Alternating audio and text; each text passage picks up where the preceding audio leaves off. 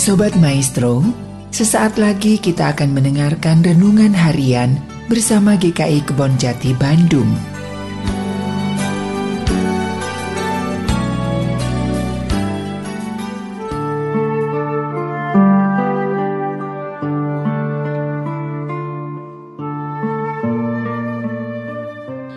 Bertemu kembali dengan saya Pendeta Daud Solihin dalam renungan harian saat ini yang bertema Roh Kudus 1001 Bakat.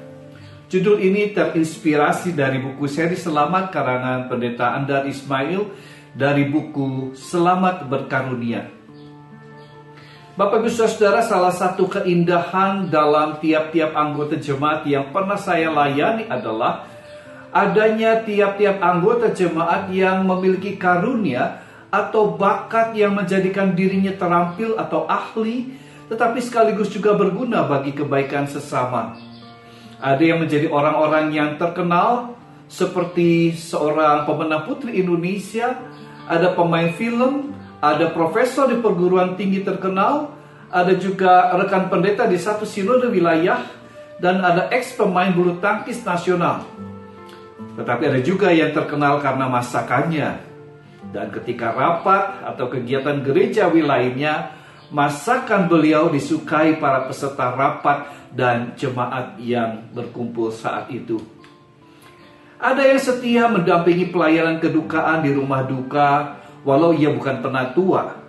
Ah, masih banyak dan mungkin saya perlu waktu yang cukup banyak untuk lebih mengenali anggota jemaat dan simpatisan untuk membuat daftar karunia yang dimiliki. Saudara mereka adalah orang-orang yang berkarunia secara ignognito.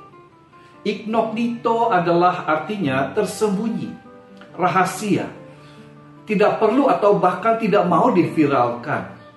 Dan karunia itu adalah anugerah Tuhan yang dipercayakan kepada kita untuk melakukan pekerjaan-pekerjaan Allah yang mendatangkan damai sejahtera bagi sesama.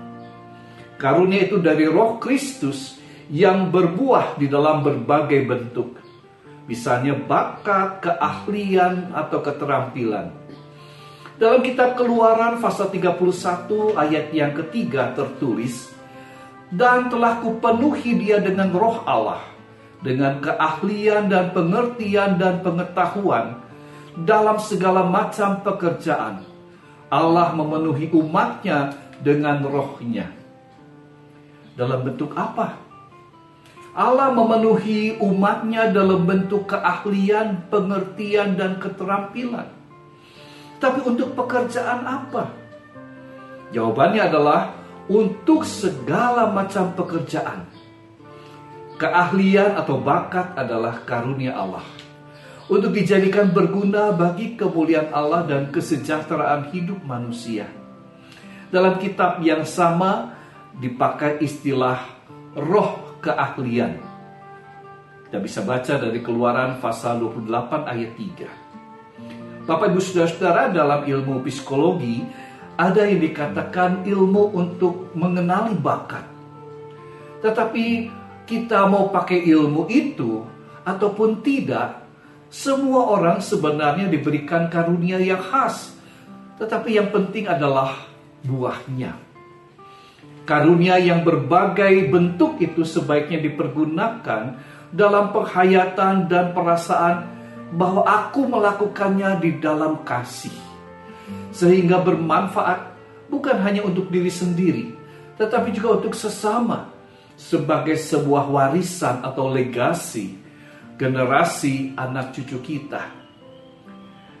Bapak Ibu Saudara dengan bakat ini mungkin tidak harus juga menyebabkan adanya wow effect.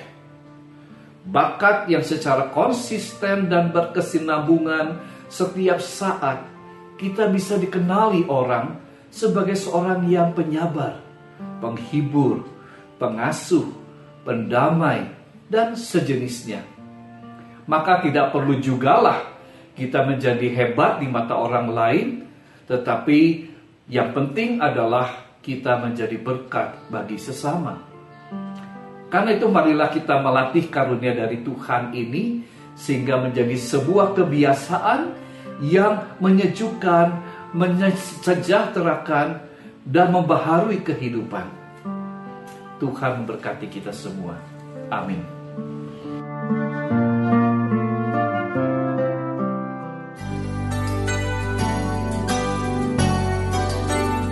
Sobat Maestro, baru saja Anda mendengarkan renungan harian bersama GKI Kebon Jati Bandung. Tuhan Yesus memberkati.